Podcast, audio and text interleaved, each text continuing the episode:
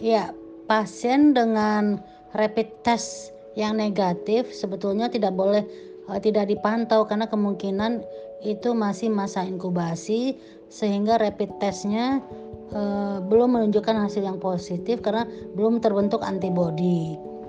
Ya, oleh sebab itu seharusnya rapid test negatif ini karena ini serologi harus diulang. Kalau ada pasien bergejala ya harus diulang untuk pemeriksaan uh, eh, PCR ya. Dan kalau menolong pasien ini untuk melahirkan maka uh, eh, APD-nya harus uh, standar ya karena uh, bisa jadi sebetulnya walaupun um, rapid testnya negatif kemungkinan pasien COVID masih ada.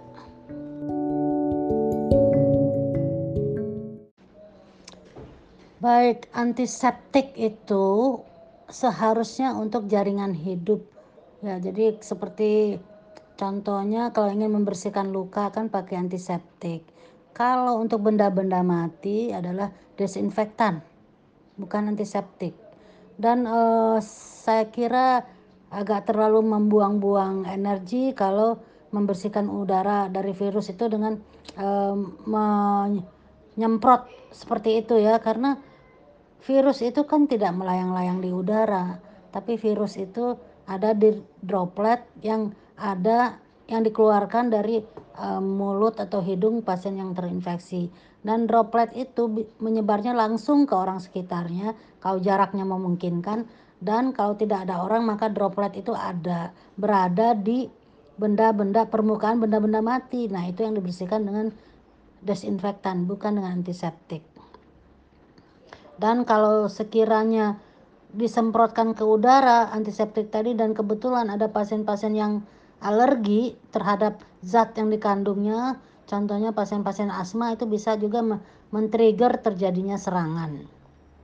Nah, kalau ingin mudik, nah sebetulnya kan sebaiknya tidak mudik. Kenapa? Karena mudik itu identik dengan keramaian. Nah, kalau keramaian itu artinya orang berdesak-desakan sehingga mungkin terjadi interaksi yang dekat antar orang.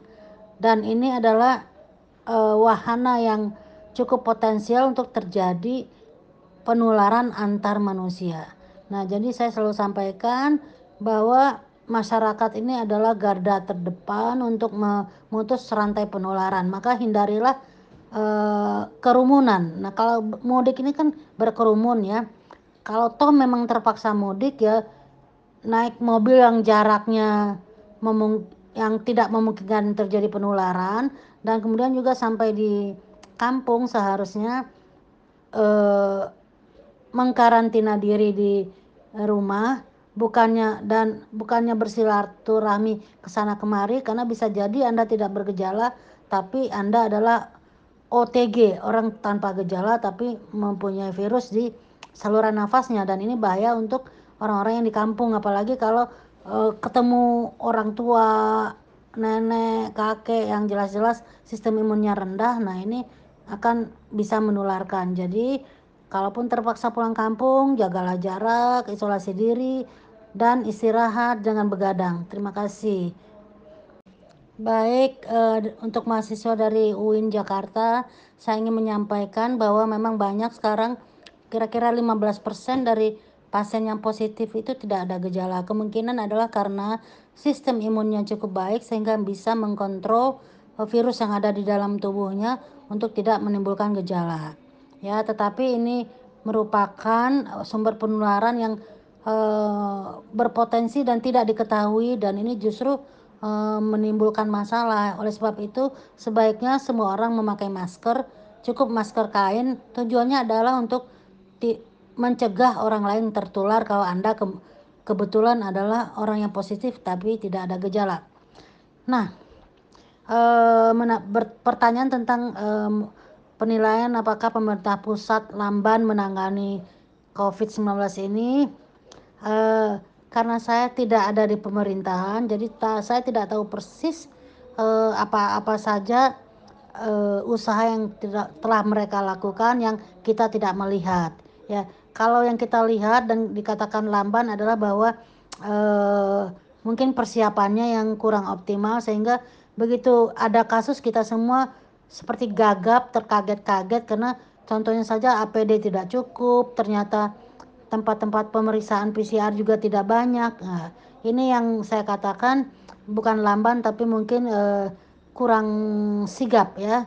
Tetapi sudahlah kita tidak usah saling menyalahkan itu sudah lewat masanya sekarang kita ke depannya saja bersama-sama mengambil peran masing-masing untuk mengatasi kondisi ini dan yang bagi masyarakat sekali lagi saya katakan berperanlah Anda sebagai garda terdepan untuk mencegah penularan di masyarakat dan memutus rantai penularan sehingga kami di rumah sakit para petugas kesehatan eh, tidak menjadi eh, kelelahan atau overloaded ya. Kemudian memang juga memprihatinkan banyak sekali sekarang tim medis yang terpapar. Kemungkinan besar sebabnya adalah tidak mengetahui bahwa pasien itu sebenarnya sudah positif dan barangkali juga APD-nya yang tidak memadai. Demikian. Jadi e, pertanyaannya apakah e, virus ini bisa e, bertahan e, di ruang yang dingin? Betul. Kalau virusnya itu ada di droplet dan menempel di e, permukaan benda mati, maka memang akan bertahan lebih lama dibanding kalau udaranya panas. Tapi kita tahu bahwa virus ini kan adanya di dalam saluran nafas. Oleh sebab itu, pasien-pasien yang kita rawat itu harus memakai uh, masker bedah supaya uh, tidak keluar droplet, gitu ya. Jadi jangan khawatir kalau ruangan kita ber AC, artinya ruang rawatnya ber AC. Bisa dibayangkan kalau ruang rawatnya tidak ada AC, sementara para petugas memakai baju hazmat dan pakai masker, pakai sepatu boot, wah itu kayak di sauna ya Kemudian pertanyaan berikutnya apakah yang disemprot di jalanan itu uh, tepat sasaran? Ya kalau saya sarankan yang disemprotkan kan desinfektan. Semprotlah benda-benda mati yang biasa disentuh uh, oleh orang banyak. Contohnya mungkin pagar rumah atau uh, pegangan uh, eskalator ya. Di mall-mall kan orang naik eskalator pegangan tuh ke pegangan eskalator atau mungkin di apa pegangan pintu apa tombol pintu atau bagian uh, luar dari kendaraan. Ya boleh. Ya tapi jangan orangnya. Karena menurut saya orang kalau orang disemprot kalau ternyata alergi dengan bahan-bahan yang disemprot kan malah jadi kasihan. Apalagi kalau mengenai mata atau terhirup oleh saluran nafas bagi orang-orang yang alergi ini juga cukup berbahaya. Dan di untuk kulit juga bisa terjadi iritasi. Lalu ditanyakan bagaimana kalau rapid test itu dikirim saja ke puskesmas supaya orang-orang yang mudik bisa di rapid test. Ya itu boleh saja tapi kita tahu rapid test ini juga tidak murah ya ya memang rapid test itu kita bisa tahu bahwa memang kalau sudah positif ya mestinya sih kita e, harus e, waspada karena ini orang sudah terpapar dan sudah menimbulkan terdeteksi antibodinya. Artinya sudah terbentuk antibodi minimal sudah terpapar lebih dari lima hari sampai tujuh hari. Begitu. Ya. Oke baik. Afigan tidak bisa diberikan kepada wanita yang hamil atau yang merencanakan hamil karena efek sampingnya eh, kepada janin jadi bisa terjadi kecacat kecacatan pada janin jadi ini ada efek teratogenik ya jadi hati-hati sekali. Saya sarankan jangan diberikan kepada eh, orang-orang uh, yang masa produktif yang uh, berencana untuk punya anak. Ya, jadi seharusnya kan PCR ini hasilnya bisa didapatkan dalam waktu dua hari. Akan tetapi pada kenyataannya karena mungkin fasilitas laboratorium yang bisa melakukan PCR sangat sedikit, sehingga sampel menumpuk antri maka eh, kadang-kadang kita menerima hasil setelah lima hari sampai tujuh hari dan ini agak menyulitkan terutama kalau pasiennya adalah dalam kondisi yang berat ya oleh sebab itu eh, kami sangat ingin bahwa PCR ini alat-alatnya terus bisa diperbanyak sehingga eh, tidak lagi sampel-sampel ini antri untuk diperiksa. Kemudian tentang kebutuhan ventilator memang di, e, karena rumah sakit saya persahabatan ini hanya menerima pasien-pasien sedang dan berat jadi memang kebutuhan ventilator cukup banyak. Tapi alhamdulillah sampai saat ini tadinya kita cuma punya 4 ventilator sekarang sudah ada 10 dan 2 ventilator cadangan. Untuk pasien yang sembuh tetap harus uh, dilanjutkan isolasi diri di rumah minimal 14 hari. Dan selama masa isolasi tersebut tetap menjalankan uh, perilaku hidup bersih dan sehat dan tetap memakai masker, menjaga jarak dengan orang sekitarnya dan cuci tangan dan tetap mengukur suhu dan ber, tetap harus bisa dikontak bisa dikontak oleh petugas kesehatan atau petugas dari rumah sakit uh, yang merawat agar uh, mereka bisa tahu apakah uh, ada timbul gejala lagi atau tidak. Jadi mohon menjaga dirinya juga selama masa perawatan bukan berarti eh pasca perawatan karena bukan berarti kalau sudah sembuh kembali ke rumah lalu akan bebas berkeliaran. Jadi tetap disyaratkan uh, untuk melakukan isolasi diri minimal 14 hari. Dan mengenai masker, karena memang ada keterbatasan masker bedah, maka diharapkan pasien atau orang-orang masyarakat itu memakai masker karena kita nggak tahu di antara masyarakat ini mana yang uh, orang yang positif tapi tidak ada gejala jadi diharapkan semuanya memakai masker, tapi tentu saja tidak bisa memakai masker bedah, cukup memakai masker kain dan masker kain ini bisa terbuat dari katun atau uh, yang penting bukan dari bahan yang uh, jarang atau transparan. Ya, terima kasih. Ya, ruangan ruang rawat yang tadinya ditempati oleh pasien yang sudah positif kemudian sudah Eh, keluar dari ruangan maka memang diharuskan bahwa benda-benda di sekitarnya itu untuk dibersihkan dengan desinfektan. Bukan saja eh, benda-benda mati di sekitarnya tetapi juga peralatan-peralatan harus dibersihkan dengan desinfektan. Dan kemudian bagaimana pasien eh, PDP yang positif kemudian meninggal apakah tidak apa-apa jika dimandikan atau cukup dilap saja. Ya, jadi sebetulnya sebetulnya kalau kita lihat pasien-pasien yang sudah meninggal ini boleh dimandikan tapi uh, tidak um, terlalu banyak kontak menggosok-gosok dan segala macamnya cukup uh, pertama sekali tentu harus disiram dengan desinfektan dipastikan bahwa uh, virus tidak tidak banyak lagi maunya sih tidak ada lagi lalu dimandikan sekedarnya dan uh, kalau bisa mengikuti uh, agama atau tradisi dari uh, uh, jenazah. Kemudian ya contohnya kalau Islam dimandikan kemudian di kafani kalau tidak uh, mungkin untuk dimandikan katanya ditayamumkan ya. Dan kemudian memang seharusnya setelah selesai semuanya uh, jenazah dibungkus plastik dibungkus plastik itu tujuannya supaya tidak ada cairan yang keluar atau bocor. Kenapa demikian? Karena ini virus baru, kita tidak tahu pasti e, bagaimana e, sifatnya, apakah masih ada di, di tubuh walaupun sudah meninggal. E, kalau di flu burung itu dulu kan e,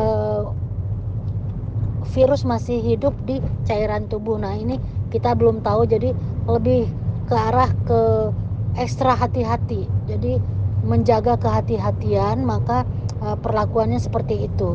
Bahkan peti matinya juga dibungkus dengan plastik. Dan jangan khawatir masyarakat bila mana penyelenggaraan itu sudah dilakukan sesuai dengan protap maka uh, jenazah sudah aman, tidak lagi harus ditakuti sampai ditolak segala macam. Saya ingin tambahkan, mungkin tadi saya lupa mengatakan bahwa petugas yang memandikan ini harus memakai APD lengkap ya. Sarung tangannya harus dua lapis. Karena kan e, tangan mereka sangat berperan dan bersentuhan dengan jenazah. Dan gaun juga memakai gaun yang memadai.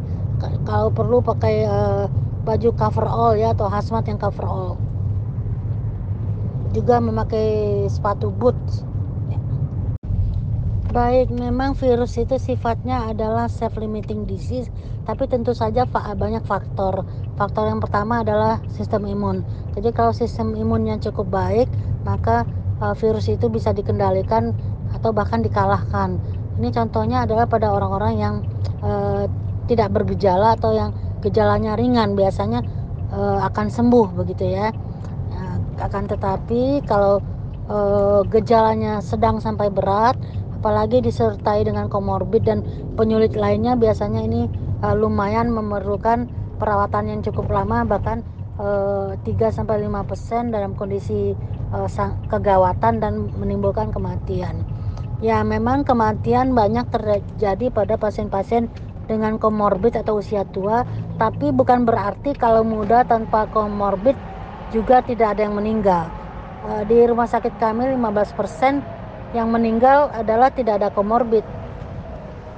Kemudian kalau ditanyakan kenapa ada tidak ada komorbid kok malah meninggal ya bisa jadi karena pertama imunitasnya rendah, kemudian juga e, penyakitnya sudah e, cukup berat sehingga kelainan yang kerusakan yang ditimbulkannya juga berat sehingga juga mengenai organ-organ lainnya dan ini yang kita sebut dengan uh, kegagalan multi organ dan biasanya pasien jatuh ke sepsis dan inilah yang menyebabkan kematian.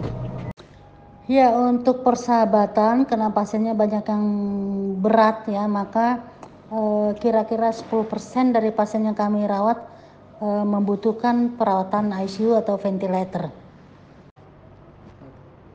Gitu. Ya, per Pertanyaan tentang penyebaran virus corona di Indonesia e, banyak prediksi untuk itu. Nah, kalau dari saya, bila mana masyarakat tidak patuh dengan e, strategi e, PSBB ini, maka e, kita nggak akan kelar-kelar ini ya, karena penularan itu sesungguhnya terjadi di e, masyarakat. Jadi masyarakat saling menularkan maka saya kira eh, pembatasan itu mati belum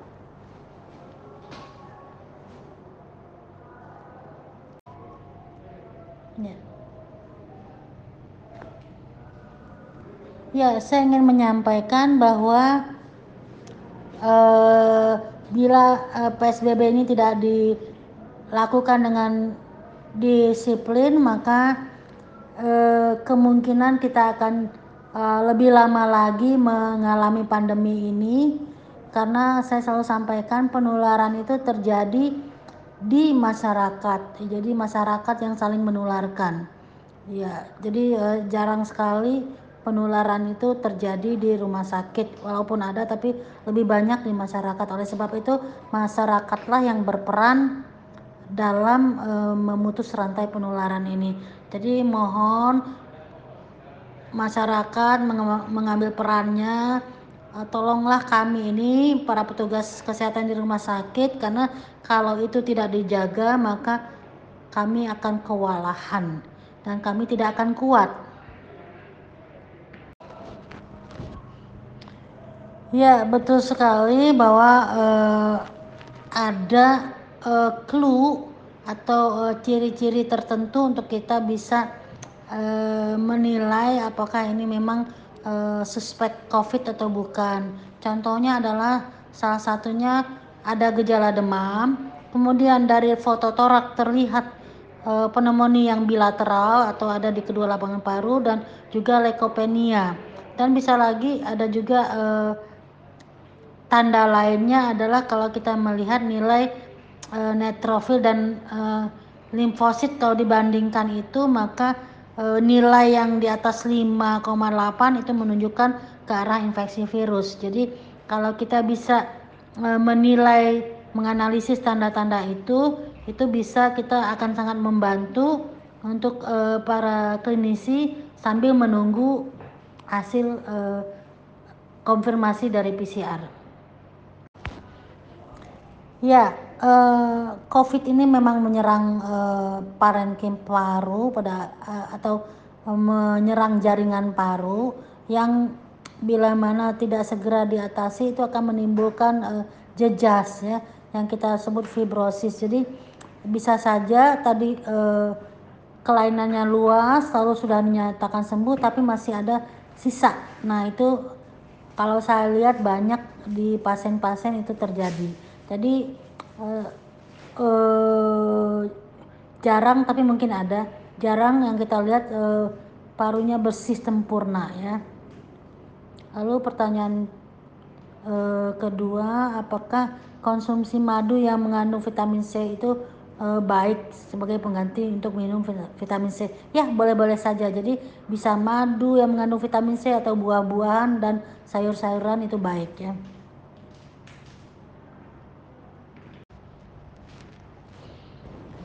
Ya, jadi penularan corona itu tetap uh, dari droplet ya. Jadi kalau ada orang merokok, jadi virusnya tidak dibawa oleh asap rokok, tapi tetap dari droplet dan saat e, perokok menghembuskan e, asap barangkali ada droplet yang keluar. Jadi penyebaran sama saja dari droplet. Lalu pertanyaan kedua, apakah reseptor virus corona bisa ada di otak juga? Sejauh ini yang kita ketahui adalah bahwa e, reseptornya ada di uh, terutama di saluran nafas dan di saluran cerna. Tapi memang ada uh, yang mengatakan bisa juga di organ-organ lainnya, tapi jumlahnya sedikit. Untuk uh, reseptor yang di otak, saya ini belum baca, jadi saya tidak bisa menjawabnya. Baik, uh, memang untuk puskesmas ini, walaupun di perbatasan, saya kira tidak fair kalau juga tidak diberi APD. Jadi APD itu harusnya sama untuk semua eh, fasilitas baik di puskesmas yang di kota maupun puskesmas di daerah terpencil. Ya dan eh, ke mana harus meminta? Tentu saja harus pertama ke dinas kesehatan atau ke pemda setempat dan saya mengerti kekhawatiran teman-teman eh, kalau tidak ada APD yang tidak memandai takutnya tertular. Minimal pasiennya disuruh pakai masker supaya dropletnya tidak mengenai petugas kesehatan ya. Dan lalu untuk berjaga-jaga nakes juga harus memakai APD yang sesuai.